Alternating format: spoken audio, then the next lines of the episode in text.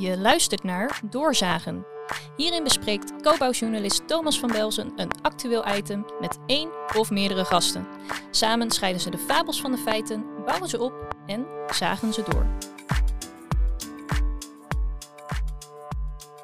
Nou ja, dames en heren, welkom. Uh, we gaan het vandaag hebben over een vernietigend rapport over Rijkswaterstaat. Um, 80 projecten zijn uh, geanalyseerd door ETIOS, E.T. Osborne, PwC en Horvat en Partners. Uh, het is vorige week naar de Kamer gegaan. Kosten worden zwaar uh, onderschat. Rijkswaterstaat opereert vanuit een ivoren toren. Aanbestedingsmeevallers verdampen tijdens de uitvoering. Ik ga het erover hebben met Kees Klap en met Arend uh, van Wassenaar. goeiedag. Dankjewel Thomas, leuk om hier te zijn. Ja, uh, Kees, uh, kun je heel even kort toelichten wie je bent? Jij hebt bij Rijkswaterstaat gewerkt en ook in de, bij Marktpartij ook, toch? Ja, ik, heb, ik ben begonnen bij Rijkswaterstaat. Maar ook gelijk met de grote projecten zoals de Oosterschelde en de Westschelde-Oeververbinding. En toen ook daar al de privatisering begon. En Balles Nederman begon te trekken, ben ik overgestapt naar het grootbouwbedrijf. En waar ik dus ook weer vele facetten van het uh, bouwen heb meegemaakt. En dat geeft bij mij dus wel uh, de uh, interessante combinatie van opdrachtgeverschap, opdrachtnemerschap. dus je, je overziet het veld wat breder. Je weet van de hoed en de rand. Ja, na zoveel jaren neem je steeds meer mee. Ja. Arend, jij gaat ook al een tijdje mee in het wereldje, toch? Dat klopt. Ik ben 33 jaar advocaat geweest en heb me bezig gehouden met allerlei bouwrechtachtige zaken. En sinds zes jaar ben ik adviseur aan allerlei partijen over hoe zet je nou succesvol een project op. Succesvol als in geen geschillen, iedereen blij. En dat doe ik voor de ene helft. En de andere helft ben ik arbiter, raadsheer, plaatsvervanger, mediator. En help ik bouwgeschillen op te lossen. Ja, we gaan het hebben over dat rapport. Uh, ik vind het vrij uh, vernietigend over Rijkswaterstaat. Wat is jullie eerste oordeel? Nou, het eerste oordeel is dat het uh, toch weer ronddraait rond uh, de. Ik moet het anders zeggen, ik, ik, mis gewoon de kern van de problematiek. Je bent met allerlei uh, beschouwingen bezig eromheen, zoals we die ook al kennen. Uh, maar dat, dat, leidt niet tot een oplossing. Ja, precies, je hebt het eigenlijk al gelijk over de oplossing. Maar als je kijkt even naar de conclusies. bij, bij alle hè, als je gemiddeld kijkt naar een project, 15 tot 16 procent stijgen de kosten al gedurende de voorbereidingsfase alleen al. Arend. Nou, het, het is grappig, Thomas, dat jij het vernietigend noemt. Jij bent journalist, dus dat is een woord dat dan uh, echt uh, makkelijk natuurlijk opschrijft. Ik vind het meer bevestigend. Het is een beeld dat eigenlijk al jarenlang bestaat. En waarin kennelijk overheden, en trouwens ook marktpartijen, want die kregen ook een uh, veeg uit de pan, niet in staat zijn om dat nou eens een keer echt helemaal goed op te lossen, dat probleem.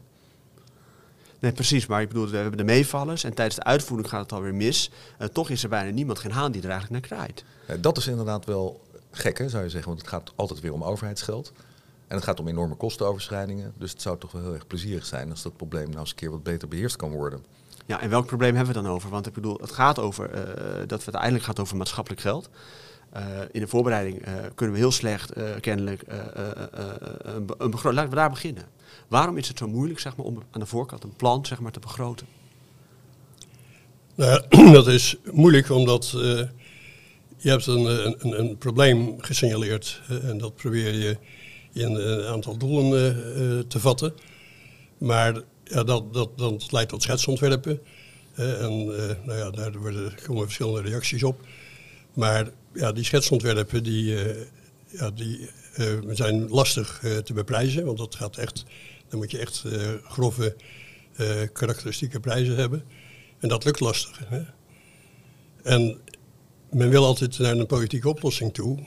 Dus men wil het dan ook zo gunstig mogelijk voorstellen. Ik heb zelf ook de ervaring bij zijn Westschelde-Oeververbinding. En dan begin je heel optimistisch. Dan denk je, ja, hey, dat zou best allemaal tot de mogelijkheden behoren. En als je dan gaandeweg gaat uitwerken, dan ga je natuurlijk toch wel wat dingen tegenkomen. En ja, daar hangt weer een prijskaartje aan. Arend? Er is een Deense hoogleraar, die heet Bent Vliefbjerg, die in Engeland uh, hoogleraar is. En die heeft heel veel onderzoek gedaan naar exact dat. En um, het is eigenlijk een bevestiging van wat Kees ook al zegt. Om een project door een politiek besluitvormingsproces te krijgen, moet je natuurlijk budget hebben, een begroting.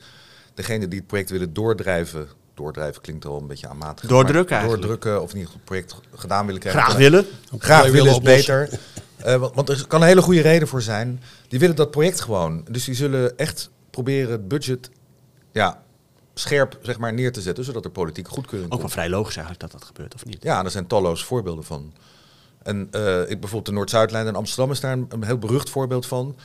Ehm, en dat is uiteindelijk goed gekomen met een gigantische budgetoverschrijding. Nu zeggen we trouwens dat het een heel succesvol project is. Precies. Maar hoort, hoort het er dan hier ook gewoon bij eigenlijk? Hè? Want, we, want ik zeg inderdaad vernietigend aan de voorkant. Omdat ik denk van ja, jongen, jongen, er gaat best wel veel mis. Er wordt eigenlijk gezegd dat de afstand bij Rijkswaterstaat tussen de top en de uitvoering ontzettend groot is. Ze krijgen hun teams eh, niet bemand. Dus met andere woorden, ze kunnen heel moeilijk checken of oplossingen vanuit de markt of die wel eh, goed genoeg zijn. Ehm, nou ja, dan hebben we aanbestedingsmeevallers eigenlijk altijd 20% eh, valt het mee tijdens de aanbesteding. En die verliezen we vervolgens weer tijdens de uitvoering. En dan is het geld weer, gaat weer naar een ander project. Dus Ik vind Nou, trouwens... misschien dat Ja, ik daar wel ja, even op mag ja, reageren. ook die 20% eh meevaller bij het aanbestedingstraject. Kijk, men, men is continu aan het budgetteren en je weet, eh, dat was, eh Rijkswaterstaat houdt sowieso altijd al 10% marge op, op verschillen in, in, in, in de aanbesteding. Maar ook neemt al budget mee voor de tegenvallers. Want als je dat niet van begin af aan zou doen, dan zou elk project vastlopen. Dus dat wordt in het rapport nogal sterk benadrukt. Maar ik denk dat het gewoon redelijk standaard is. Dat je dus meer budget reserveert dan je verwacht dat je aanbestedingsprijs wordt. Want anders zou je project hè, na de start al gelijk vastlopen. precies, bij de aanbesteding medevaller, die gaat eigenlijk wordt, wordt gebruikt om andere projecten te financieren. Is dat zoals het zou moeten dan of niet? Op, kijk, vanuit een portfolio gedachte wel. Want ehm, het Rijk heeft nu een keer een portfolio van eigenlijk alle assets die ze moeten bouwen en onderhouden en wat iets meer zijn. Dus als er binnen die portfolio programma's zijn of projecten waar verliezen worden geleden, logisch dat die op andere plekken op dat portfolio weer worden gecompenseerd. Ik, bedoel, ik zie daar niet zoveel geks in eigenlijk. Nou ja, kijk, wel, wel als je al geld, eh, eh, een probleem aan geld hebt natuurlijk. Ik bedoel, Tuurlijk, eh, maar- hè, dan wil je toch weten waar dat geld uiteindelijk verdwijnt en hoe dat, hoe dat opgaat. Eh, Ja, want dat, je bent ook rekening en verantwoording verschuldigd als overheid aan de Tweede Kamer en daarmee aan ons volk. Een van de eerste conclusies in het rapport is eigenlijk dat we niet eens weten, want het heet onderzoek naar mee- en tegenvallers voor aanbestedingsprojecten. Maar eigenlijk is er niet echt eens een definitie van wat nou mee- en een tegenvaller is. Ja, jij knikt, Arend. Nee, dat vond ik ook een hele interessante conclusie. Die, maar overigens. Ja, interessant, maar het is gewoon schrijnend Nee. toch? Ja, dat Sorry natuurlijk- dat ik die woorden gebruik. Nee, die woorden moet je gewoon gebruiken, Thomas. Want natuurlijk, het, het is ook schrijnend als dat inderdaad niet goed onder controle is. Alleen toen ik het, daarom zei ik er net ook, het is meer bevestigend. Het bevestigt het beeld dat ik ook heb, omdat er vanuit heel veel verschillende percepties wordt gesproken. Woorden hebben verschillende betekenissen. Dus wat is een meevallen, wat is het tegenvallen, waar zet je het allemaal tegen af? En kennelijk bestaat er geen eh, unieke definitie voor binnen de Rijksoverheid. Precies. Wat is hier structureel eh, aan de hand? eh? Nee, zo, nou even reagerend op die mee- en tegenvallers. Kijk, Engeland werkt met veel meer in partnership. Eh, en als je een, project oppakt en gaat ontwerpen en gaat voorbereiden, dan heb je mee- en tegenvallers. En in een partnership kan je dat een beetje tegen elkaar wegstrepen. Dus dat zou dan ook handiger zijn als je dus weet welk bedrag er beschikbaar is. Ik zeg ook vaak, als iemand een gouden leuning wil, prima. Maar dan moeten we eens anders in het project kijken waar we dat terugverdienen. Maar dat kan je in een partnership doen. Maar als je alles zo enorm dichttimmert, hè, dan, dan, dan, dan lukt je dat niet. Je hebt het vaker gezegd ook, hè, Kees, van, eh, ook in onze krant.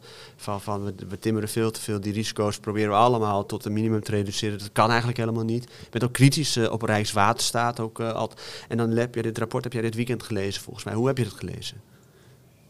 Ja, nou, ik, ik heb het inderdaad bijna van, van, van A tot Z gelezen. Er zit natuurlijk een, eh, een, een grote toelichting van hoe het onderzoek eh, heeft eh, plaatsgehad. Maar ja, wat ik al zeg, het, raakt de kern voor mij niet. Hè. Het zijn allemaal de bekende verhalen. Maar is het dan tenen krommend of zo? Ik bedoel, heb je dat dan? Of? Ja, nou in die zin tenenkrommend dat ik het niet begrijp dat men niet tot de kern van de problematiek komt. Ja. En wat is de kern van de problematiek dan? Want dan laten we het daar nu dan vooral wel over hebben. Ja, leidend is natuurlijk altijd geweest een ontwerpproces, hè, industriebreed ook. Hè. Maar in de industrie kijken hoe men daar een, een, een project oppakt. Hè. Dat, moet volgens een bepaalde systematiek gebeuren. Ja, Arend had het al over system engineering. Ja, daar heeft Rijkswaterstaat na doodscheldenwerk ook veel in geïnvesteerd. Dus, en, en dat proces dat wordt eh, heel erg verstoord door de allerlei controles die er zijn.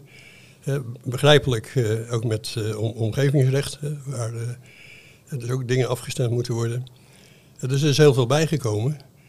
En daarmee is het, eh, het ontwerpproces, daar wordt in het rapport ook nauwelijks over gesproken. En dat is altijd leidend geweest. Kern van het probleem zit volgens jou bij het ontwerp. Ja. En ik, ik mag daar nog aan toevoegen, die zit eigenlijk nog één stapje daarvoor, namelijk bij de probleemdefinitie. Want als je een project gaat doen, dan zou je eigenlijk rekening moeten kunnen houden met alle belangen die op wat voor manier dan ook invloed zouden kunnen hebben in wat je eigenlijk wil hebben. Daarmee ook de kosten, alle risico's die daarmee verband houden. En dat is eerlijk gezegd een van de allermoeilijkste dingen die er bestaat. Het, het, het definiëren van een probleem. Ingenieurs van Rijkswaterstaat, überhaupt ingenieurs, zijn ontzettend goed in het oplossen van problemen. Waar ze veel minder goed in zijn, is het definiëren van die problemen. Precies, maar dat is eigenlijk wel op een gegeven moment hebben we dat ingezet in Nederland om te kijken, leg nou de oplossingen, laat, laat de markt met oplossingen komen. Ja, maar dan moet je Maar, wel, ja, dan moet je dus wel weten wat voor probleem je hebt. ja, welk probleem ben je dan aan het oplossen? Misschien één ding eraan toevoegen, wat ik altijd wel aardig vond, ook eh, in mijn waterstadtijd. Eh, ik zat dus bij directie Brugge, dus dat, dat was een, eh, de dienst die met die grote projecten bezig was. Regionale directies, hè, die, die, die surfden. En het aardige was altijd om een gesprek te hebben. Men vroeg iets omdat men dacht dat het heel goedkoop was. Terwijl dat heel duur was of soms eh, conceptoverschrijdend. En andere dingen vroeg men niet, eh, die je in één moeite meenam. En waarvan men dan eigenlijk dacht van, hé, hey, dat is te duur, dus dat vragen we niet. Dus die dialoog met elkaar, kijken van eh, wat nou het probleem is en hoe je het probleem kan oplossen. En daar, ko- daar komt het ontwerp ook al aan de orde. Hoe kan dat nou? Ik bedoel, ik bedoel, het zo moeilijk is het toch niet om een probleem te definiëren? Nou, het is, als je kijkt naar een, Rijkswaterstaat gaat over infrastructuur. Dat is meestal lijninfrastructuur. Dus, daar, eh, dus om een weg of een kanaal of iets dergelijks aan te leggen, zijn er heel veel omgevingsfactoren over een behoorlijk grote afstand. En er zitten op iedere meter, op iedere 100 meter, zitten factoren te, zijn er te verzinnen die van invloed zouden kunnen zijn op het, uiteindelijk het beste ontwerp daarvoor. En dan is er ook nog de interface tussen die Rijkswaterstaat-infrastructuur en omgevingsinfrastructuur, dus ontsluitende infrastructuur. En er zitten ook weer allemaal knock-on effecten in. Dus het is heel erg lastig om van tevoren daar een inzicht in te hebben. Dus dat proces, dat iteratieve proces, daar met alle gevolgen daarvan voor het budget, dat zou eigenlijk veel gecontroleerder moeten verlopen. Nou, je hoort ook wel eens in de markt, hè, het hoort ook een beetje erbij. Hè. Ik bedoel, kijk naar grote projecten overal wereldwijd. Altijd gaat het wel, de, de, de budgetten worden altijd wel overschreden in die zin. We hebben het niet over klein bier, we hebben het over Zeesluis bijvoorbeeld, die honderden miljoenen eh, euro's eh, duurder uitpakt. We hebben over de afsluitdijk soortgelijke eh, probleem. Eh, bij de Twentekanalen. Hè. We hebben vandaag, deze week kwam er een brief van eh, Mark Harbers over eh, de Twentekanalen. En daar dacht de aannemer slim te zijn. We kunnen hier zonder, we kunnen alle aannemen of alle, alle damwanden kunnen we in feite laten staan. Wat blijkt, nee, dat kan toch niet. We moeten ze nu vervangen, 35 kilometer lang. Met als gevolg dat nu iets van 46 miljoen euro moet worden bijgeplust. Ook vanwege de grondstofprijs wordt dan gezegd. Maar jongens, dit, dit, dit soort dingen, dat is toch bijna te Maar- treurig om... om, om Maar weet je Thomas, waar eigenlijk, eigenlijk is het wel grappig, zit ik me nu te bedenken. Want als je achteraf kijkt naar wat een project heeft gekost, dan blijkt heel vaak dat het project heeft gekost wat het heeft gekost. En wat het ook eigenlijk zou hebben moeten kosten als je van tevoren rekening had kunnen houden met alle factoren die daar... Maar is dat ook zo? Want je weet toch niet wat je, waar moet je dan mee vergelijken? Want het is appels en peren vergelijken. Want je weet aan de voorkant niet wat je wil en aan de achterkant wordt het dan toch Nee, weer anders. Nee, En, maar- en, nee, maar als uiteindelijk is iets gebouwd, dan zitten er hoeveelheden in, er zitten hoeveelheden manuren in, dan weet ik veel wat er allemaal in zit. Vaak zijn die projecten, als je ze uiteindelijk uitrekent, is het gewoon prima. Waar de fouten in zouden kunnen zitten, is dat men halverwege iets, iets anders is gaan doen. Of werk dat al is verricht, weer moet afbreken. En dat gebeurt e- eerlijk gezegd betrekkelijk weinig. Dus een project kost wat het kost. Alleen de manier eh, in budgetteren om te komen van het oorspronkelijke, niet helemaal goed gedefinieerde probleem, tot het uiteindelijk uitgevoerde project, die klopt niet. Oké, maar krijgen we ook wat we willen? Of wat we, wat, lossen we de problemen op die we zouden moeten oplossen? Nou, ik denk wel dat je, hè, maar dat was toen ook mijn reactie op van eh, de, de zeesluis, eh, kunnen we daar trots op zijn? Ja, uiteindelijk kunnen we daar trots op zijn. Eh, dat is een, ja, een ingewikkeld technisch eh, werk waar je problemen tegenkomt die je moet oplossen. Alleen budgetair klopt het dan niet meer. Nee, maar het probleem Maar is tennis wel is wel opgelost. Ja, maar goed. nee, hippie hoera, hè, fantastisch werk wat wij allemaal maken bij, de, bij, bij die hele grote projecten. Maar daar is iedereen het over eens. Maar hier gaat het over budgetverantwoordelijkheid, mate van transparantie, mate van tegenvallers, meevallers. En, Ja. en, maar, maar als je dit rapport gewoon leest, ik bedoel, ik heb het niet geschreven, dan, dan maakt, maakt de Rij- Rijkswaterstaat gewoon een potje van. Ja, nou het is geschreven door hele respectabele bedrijven. Hè. Dus E.T. Osborne, er zit bijvoorbeeld Marcel Hertog in, die eh, ontzettend veel ervaring heeft met dit soort projecten. PwC, die is eigenlijk de financieel adviseur van de overheid bij al die grote DBFM-projecten. En Horvat is gewoon tegenwoordig de auditor op het gebied van... Hè, daar werkt Han Vrijling Han ook, die laatste... werkt ook, ja. ja, precies. Die, dus dat zijn wel mensen die, ehm, die precies weten waar ze het over hebben. Alleen die kijken naar een project wanneer het klaar is. En die kijken gewoon zoveel maar het proces, het, waar het allemaal misgaat is dus in het hele proces. proces. En het begint bij het ontwerp. En als het ontwerp, als je daar niet nou, goed voor het ontwerp, hè? Het En begint- voor het ontwerp. het begint bij de, de Ja, doelstelling precies. waar we het net over Maar hadden. vervolgens is het dan dweilen met de kraan open op het moment dat je dat niet goed organiseert. Waarom organiseren we dat niet goed? Nou ja, kijk, Arne noemt ze al, hè, de, respectabele partijen, hè, waar ik eh, hè, ook, ook vele mensen van ken. Maar men zit toch nog steeds eh, vanaf de buitenkant ernaar te kijken. Vanuit een, een stuk discipline die wel heel erg aan de orde is in zo'n project. Maar ja, als je het niet in de hele breedte meeneemt, wat het rapport wel zegt te doen. We sluiten dan vervolgens de markt toch weer uit. ja, dan, dan blijven er gewoon eh, oplosmogelijkheden blijven liggen. Ja, en weet je hoe dat komt? Omdat, ehm, ga ik weer terug naar wat ik eerder zei. De doelomschrijving van een project, daar schort het aan. Weet je, weet je waarom dat relevant is? Er is een definitie van risico's die zegt, een risico's, risico's, het zijn niet onzekere voorvallen waarvan je misschien hoopt dat ze niet gebeuren. Nee, een risico in de projectmanagementdefinitie is alles, alle evenementen die kunnen optreden, die een positieve of negatieve invloed kunnen hebben op het bereiken van je doelen. Met andere woorden, als jouw doelen niet vaststaan, kun je ook niet de risico's, namelijk alles wat daar een invloed op kan hebben, definiëren. Dus ik denk dat er heel wat te winnen zou zijn als er in een eerder stadium tot een zodanige doelomschrijving wordt gekomen dat het ook mogelijk wordt om alle risico's van tevoren. Maar, maar, een andere, andere conclusie. Eh, op het moment dat er dan op de, op de vloer eh, tegenvallers worden gesignaleerd en ze willen ze naar boven brengen, naar de top, eh, naar, naar, beleid van Rijkswaterstaat, dan heerst er kennelijk een soort cultuur binnen Rijkswaterstaat van we willen geen gedoe. Dus, dus zeg maar liever niks, weet je wel. Kijk maar even de andere kant op. En we doen net alsof het er even niks is. Ik bedoel, Ja, dat, maar- dat soort inzichten, dat, dat, dat, dat Ja. speelt toch ook mee? Het is niet alleen maar ontwerp. Ja jongens, we hebben, klopt. verkeer, we hebben er niet over nagedacht. En voor de rest is het... Is het is- toch? Ja, dat, is, dat, dat vergt een cultuurverandering. Ja, maar eh, toen ik het ook zat te lezen, ik dacht, ja, als je dat ook weer even voor mezelf naga. Op een gegeven moment ben je met een project bezig. Hè. Daar lijkt dan een, een probleem te, te zijn. Maar dat kan je dan nog helemaal niet definiëren. Eh, Ik heb ook altijd in mijn projectmanagement gezegd, als er een nieuwe discussie ontstaat, die werken we eerst uit op, op alle consequenties, qua planning en qua geld. En als het dan interessant eh, blijkt om dat probleem aan te pakken, dan implementeren we het in het project. Maar zolang dat, dat nog niet aan de orde is, gaan we gewoon door met het, de lijn waar, waar we op zitten. Want anders blijf je heen en weer jojoen. En iedere keer als iemand een idee heeft, dan ligt de boel weer stil. Eh, Dus je, je, je, op een gegeven moment, je ziet het begin van een probleem ontstaan. Dan ben je gewoon weer maanden verder voordat je het probleem ook, ook echt gedefinieerd kan hebben. Oké, Kees, we gaan, we gaan even een beetje wat lucht geven aan het, hè? Want het wordt wel heel. eh, het is natuurlijk ook een beladen onderwerp, laten we eerlijk zijn. En volgens mij moeten we ook. Ja, gewoon- heel veel omvattend en dat En- is het probleem. ook. En volgens mij vinden jullie ook allemaal belangrijk, alle drie belangrijk, of jullie twee in ieder geval, dat, dat, dat we het hier ook over hebben. Want, Zeker. Want, want, want- want we willen uiteindelijk ook eh, die vooruitgang misschien We wel. zouden het graag een keer opgelost eh, zien. ja, hè? toch? En we zijn trots ook op zover Nederlandse mogelijk. waterbouw uiteindelijk ook. Want daar, Oh, dat- daar, daar gaat het ook om. Maar Kees, kun je iets vertellen over jouw verleden? Want je bent, van oorsprong ben jij eh hangbruggenbouwer, toch? Of niet? Nou, ik ben afgestudeerd op hangbruggen. En dat is waarschijnlijk ook de reden dat ik bij Rijkswaterstaat eh, binnen ben gehaald. Maar toen ben je op een gegeven moment in klapbruggen terechtgekomen. Nee, nee. Kees Klapperug, ja. ja, ja. Nou, het was wel zo dat, eh, hè, dat is de beweegbare bruggen dus ook wel Ja. over onze afdeling zaten. Precies. Maar het ging dus vooral over hangbruggen en, en, en, en tuinbruggen. En de Westerschelde, daar werd toen gedacht aan een, een hangbrugoplossing. En, en eh, toen, eh, ja, dus vandaar dat Waterstaat toen naar mij is gaan trekken. En 30% had toen nog maar een baan bij het afstuderen. Dus die keuze was snel gemaakt. Eh, het, het is wel een contrast van eh, mijn ervaring. Maar Rijkswaterstaat was toen een ontzettend, die deden alles zelf nog. Dus dat was een heel interessant ingenieursbureau. En daar heb ik ontzettend veel geleerd. En je wilde ook graag bij Rijkswaterstaat werken destijds. Nou, het was vooral dat ik daar mijn hangbrug kennis kwijt kon. Want daarvoor was ik nou niet altijd degene die gelijk aan Rijkswaterstaat dacht. Maar door deze omstandigheden ben ik er gekomen. En ik heb er ook nooit spijt van gehad, want ik heb ontzettend veel geleerd. Maar ja, dat was toen een heel andere organisatie. Rijkswaterstaat deed in die tijd alles zelf. Ja, dus had alle kennis. Dus zagen ook een probleem aankomen. Wisten dus ook dat probleem stel en doelen om te zetten. Maar ja, nu worden er ingenieursbureaus ingehuurd. En die moeten dan eerst weer eh, gecontracteerd worden. Eh, dan, eh, dat, gaat allemaal heen en weer. En allemaal ook weer verschillende partijen. Want dan moet je vaak weer met, met de goedkoopste partij moet je in zee. Wat dan niet altijd de meest voor de hand liggende partij hoeft te zijn.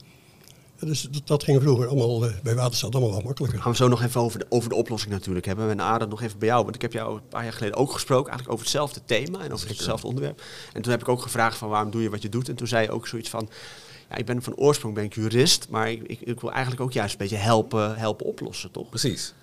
Want ehm, ik, ik ehm, hou niet van geschillen. Maar die zijn al- althans geschillen die niet worden opgelost. Hè? Want eh, overal zijn eh, verschillen van inzicht en die moet je gewoon. Hè, mensen moeten conflictcompetent zijn en moeten daaruit kunnen komen. Ik vind het gewoon een enorme uitdaging om mensen allemaal aan hetzelfde te laten werken. Ja, maar kijk, maar dat zie ik in Nederland ook wel terug. Of het nou over duurzaam bouwen gaat, over... We, we omarmen alle problemen. We Ja. zeggen allemaal, maar, maar dan, dan is wel de vraag inderdaad of we het goede probleem omarmen. Precies. Maar vervolgens gaan we... En we willen ook allemaal een oplossing. Ja, En we willen allemaal met elkaar in gesprek blijven. zeker. Er zit ook een gevaar, hè? Nou ja, wat is dat gevaar? Nou ja, omdat er dus iedereen, of tenminste heel veel mensen, eh, denken eh, het probleem eh, te begrijpen. Hè, dus zeggen, nou, luister naar mij, kijk naar mij, laat het, mij het uitwerken. Maar op die manier zijn er dus heel veel partijen in dat proces terechtgekomen. En dat, dat werkt natuurlijk niet altijd de, de eh, te goede. Ehm, ik denk dat er voor een belangrijk deel hier van doen hebben met wat ik daarnet al riep eh, toen jij begon over de cultuur binnen Rijkswaterstaat die ertoe leidt dat niet alles direct wordt gemeld. Dat, dat het hier gaat om, het, om mogelijkheden te creëren om mensen transparanter met elkaar te laten samenwerken en eerder op te komen voor fouten die worden gemaakt en eerder te melden dat er dingen misgaan. Er zit vaak een zekere angst tussen. Ik weet overigens dat Rijkswaterstaat werkt aan allerlei programma's om het wel voor elkaar te krijgen. Maar dan moet je ook je midden- en je onderlaag meekrijgen. Die moeten ook leren dat het helemaal niet erg is om te vertellen dat iets niet kan. Want dan kan er vervolgens worden gesproken over een mogelijke oplossing. Is Rijkswaterstaat transparant eh, genoeg of niet? Nou, dat wil Rijkswaterstaat heel graag zijn, maar ik denk dat op een aantal lagen dat nog niet helemaal goed lukt. Welke lagen? Nou, midden- en onderlagen. Hoe komt dat? Eh, ja, hoe komt dat? Kees, jij hebt er gewerkt. Hoe komt dat? Nou, ja, dan, dat hangt er een beetje vanaf. Maar eh, wat mij ook wel in het rapport opviel, om daar even antwoord op te geven, eh, is dat er dus een, eh, een referentieontwerp gemaakt wordt. hè. Sinds de Maasontkering maakt Waterstaat referentieontwerpen. Eh, dat, dat heeft dan het voordeel dat je je doelen wat makkelijker kan eh, formuleren. Maar het heeft ook weer het nadeel dat je dan gaat sturen. Hè. Want je, je Ja, je wil al alles naar het referentieontwerp. je je hebt al een, eh, een oplossing voor ogen. En, en dat gebeurt in Nederland dus ook heel sterk. Er wordt veel te veel gestuurd, ook tijdens de hele aanbesteding. En er wordt naar mijn idee, er wordt er ook toegewerkt naar, naar ideeën die men al heeft. hè. Ik ben op het moment ook met een brug in Duitsland bezig. Daar besteedt Rijkswaterstaat veel uit. Maar ja, daar, is het, eh, daar ben je in contact met het ingenieursbureau. En die geven ook meteen de, oplossingen. En er is de overheid af, op afstand. Maar echte leiders die creëren volgens mij ook goed tegenspraak om zichzelf heen. Ja, Ja. die willen juist dat ze kritisch wordt, eh, worden. Maar bij, bij Rijkswaterstaat lijkt een beetje tegenovergesteld aan de hand. Nou, de top van Rijkswaterstaat wil het wel heel graag, weet ik toevallig. Eh, omdat ik ook een podcastserie doe en Michelle Blom daarover heb geïnterviewd. Maar kennelijk lukt het niet om het op lagere lagen voor elkaar te krijgen. Nou, ik zou Michelle Blom ook nog eens een keer vragen of ze bij mij in de podcast erover wil praten dan. Dan Ja. zouden we erover verder kunnen doorzagen. Dat, eh, dus bij deze, Michelle, je bent uitgenodigd. I- Even nog even, we gaan over de oplossing hebben. Maar nog Ja. even een aantal projecten die ook in het project genoemd staat op een rij. Onder meer de IJsseldelta 2. De Revensluis wordt 2,5 keer zo duur tussen een bestuurlijke verkenning en een uiteindelijke gunning. 2,5 keer. De Innov, Innov A58 project wordt 33%, ruim 100 miljoen duurder van verkenning naar planstudie. Ja, maar dat betekent dus, Thomas, dat in de verkenning kennelijk nog niet voldoende rekening is gehouden met alle factoren die, moeten die uiteindelijk zouden leiden tot het uit te voeren ontwerp. Nee, daar heb je het over. Je hebt het over die doelen inderdaad, die Ja. niet kloppen. Maar uiteindelijk Ja. gaan die projecten wel door. Ja, omdat ze gewoon door moeten gaan, omdat ze een functie vervullen die hartstikke nodig is om Nederland maar er zijn nog wel meer te projecten die, die nodig zijn, zeg maar. En dan is het, ergens is het toch een weegschaal welk project wel of niet. Dus dan is het toch best wel gek dat je aan de voorkant dat niet goed organiseert. Want Nee. juist omdat de politiek hier zich ook over Ja. tegenaan bemoeit. Ja, dat noemde die Blend Vliefbjerg, waar ik het net over had, de grote delusie. Die kennelijk gewoon eigen is aan dit soort overheidsprojecten. En krijg daar maar eens een vinger achter. Ik hoorde trouwens dit weekend iemand die zei tegen mij... eh, ik, dat gezegde kende ik niet. eh, don't fix eh, what ain't broken. Ja. Moeten we hier If wat... it, ain't, if it ain't fixed... Oh ja, if dat was hem. If it ain't broken, don't fix it. Ja. Ja, nou ja, dat, zo hoort hij Ja. dan eigenlijk. Ja. Maar, maar is er iets stuk eigenlijk hier of niet? Ja, ik denk het wel. Ik bedoel, eh, er zijn de nodige zorgen en ehm, ja, financiële overschrijdingen. Eh, Naar mijn idee ook lang niet altijd de optimale oplossing door het hele proces. Dus ja, er zijn wel een aantal eh, dingen die eh, nog eh, een stuk eh, verbetering in aanmerking komen. Ik denk dat er op een heel hoog niveau meer samenwerking moet plaatsvinden tussen eh, partijen die gewoon alle informatie kunnen aandragen om het project goed te kunnen begrijpen. Ja. En als dat, als, zolang dat nog niet een kunst is die verstaan wordt. En Rijkswaterstaat kan dat niet alleen, zeg ik er meteen bij. Want daar hebben ze heel veel andere overheden hè, waar, waar dat allemaal plaatsvindt voor nodig. Ook de milieudefensies, ook de natuurmonumenten. Als daar in een eerder stadium een zodanig overleg kan worden georganiseerd dat die doelen veel beter worden gedefinieerd voordat het project verder wordt uitgewerkt, dan kan dat. Ik zou het bijna een soort gebiedsalliantie willen noemen. Ja, doelen belangrijk, dat, dat, dat geef je aan.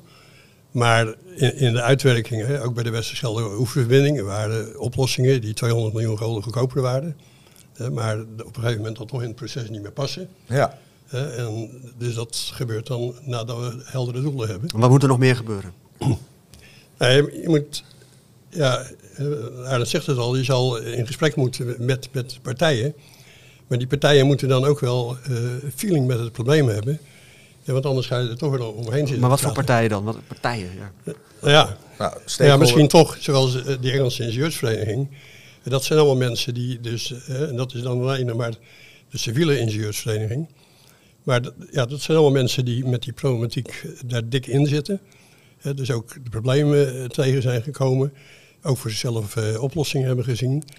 Dus vanuit, ja, je moet natuurlijk wel weten waar je het over hebt om ergens Ja. te komen. Maar weet je wat ook een probleem is? Want ik heb het de hele tijd als een soort blije eikel, zou ik haast kunnen zeggen, over het formuleren van doelen. Ja, dan zijn we er. Maar om die doelen vast te stellen, vinden er vaak enorme onderhandelingen plaats tussen allerlei overheidsachtige stakeholders. Waarbij kaarten tegen de borst worden gehouden, waarbij gewoon menselijke eigenschappen een rol spelen. Dus het is, er komt nooit een perfecte doelomschrijving, omdat mensen nou één keer zijn wie ze zijn. Ik heb ook wel eens gehoord van, eh, je moet een aparte uitvoeringsorganisatie die helemaal apart zetten, zeg maar een soort delta-commissaris, wat je ook bij waterproblemen hebt, en verder van de politiek afzetten. Ja. Nou, de Rijkswaterstaat was daarvoor bedoeld ooit, hè, als een uitvoeringsorganisatie die dat dus ook doet. En de deskundigheid daarvoor moet hebben om dat soort projecten ook te kunnen uitvoeren. Waarbij we, en nou dat zijn allemaal oude verhalen die je ook wel kent, hè, de markt en zij dachten we het laten werken, maar de aannemers lieten het ook allemaal liggen. Dus nu moet alles eigenlijk weer terug naar Rijkswaterstaat. De mar- de markt en wij. Sorry. De markt en wij. Ja. Ja. Ja, potverdorie, volgens mij gaan we er niet uitkomen in die 26 minuten. We gaan, we gaan al de 27e minuut in. Ja, Maar, vervelend. maar we hebben ook, minister Harbers heeft ook al een soort brief aan de Kamer gestuurd. Die zegt, we zijn al met lopende projecten bezig om deze problemen aan te pakken. Eh. Zijn jullie overtuigd? Nee. Nou, eerst zien dan geloven. Er zijn ook projecten die wel binnen budget zijn uitgevoerd. Hè. Die, zijn er, die zijn er dus ook. Ja, maar dat, dit is, dit is daar moet je van leren. Ja, ja, ja, daar moet je van leren. Ja, maar dat Ja. is er natuurlijk bij iedereen is het erover eens dat de Oosterschelde een uniek werk is geweest. Daar is niks aan besteed geweest. Daar is, eh, omdat eh, de datum van oplevering vaststond, ook qua veiligheid in Zeeland. Eh, dus er is dus op een gegeven moment gewoon gesteld toen de, de keuze was gemaakt voor een open kering. De aannemerscombinatie van de Haringvlietsluizen, die gaan het bouwen. Twaalf aannemers. Geen, geen, geen ontwerp. Hè? Geen, eh, dus wat ik al zei, geen aanbesteding. Die zijn in Burgersluis op één plateau neergezet. Eh, De keten van eh, Rijkswaterstaat en de keten van de aannemers. Dat werkt. Wij vergaderden continu samen. We hadden soms niet eens in de gaten welke groep wij hoorden. Dat was alleen gedreven vanuit de, de oplossing die er moest komen. Eh, dus als je geen contract hebt, heb je ook geen contractbewaking. Een hele Heb je- heldere heb- probleemstelling heb- was heb je- daar. Heb je ook geen discussie. Hè? Dus, en iedereen is het erover eens dat dat een geweldige ervaring is geweest. Iedereen vindt ook dat het zo zou moeten gebeuren. En in Engeland met die partnerships zie je dat wat beter terug. Maar dat, verder doet niemand er wat mee. Verder doet niemand. Ja, maar niet elk project kan op die manier meer worden aanbesteed. Want daar is dus ieder bouwbedrijf in Nederland dat ertoe deed, zat in die combinatie. En tegenwoordig heb je dat akelige aanbestedingsrecht, of akelig, maar ieder geval, dat zien veel mensen als een drempel hiervoor. Oké, en, wat moet- wat, wat, en wat moet er morgen gebeuren? We moeten afronden, echt waar. Ik Wat, zeg, wat er moet gebeuren is ja, toch een aantal ervaren lieden, want dat merk ik ook. Hè. Ik, ben al eh, wat, wat, eh, wat, wat ouder in het vak. Eh, maar kom dus veel collega's tegen die eh, vanuit die tijd. eh, we, we- zijn het allemaal heel snel met elkaar eens over de, de dingen die niet goed gaan en die zouden moeten gebeuren. Ja, misschien dat je toch een keer de ervaring uit het verleden. en dat past misschien wel minder in deze tijd, maar toch een keer weer eens eh, zou moeten meenemen.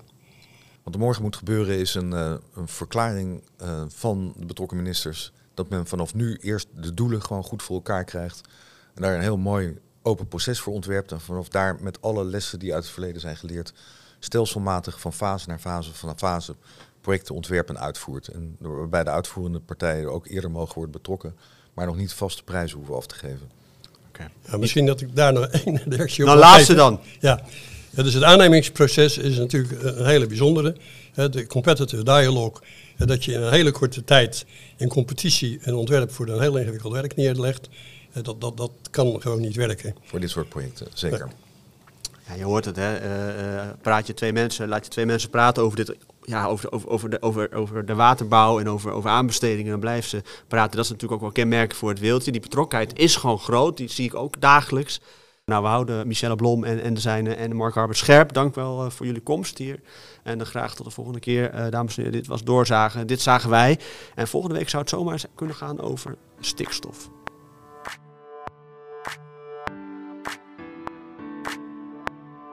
Dit was Doorzagen. Wil je meer nieuws en duiding over de bouw? Ga dan naar cobouw.nl.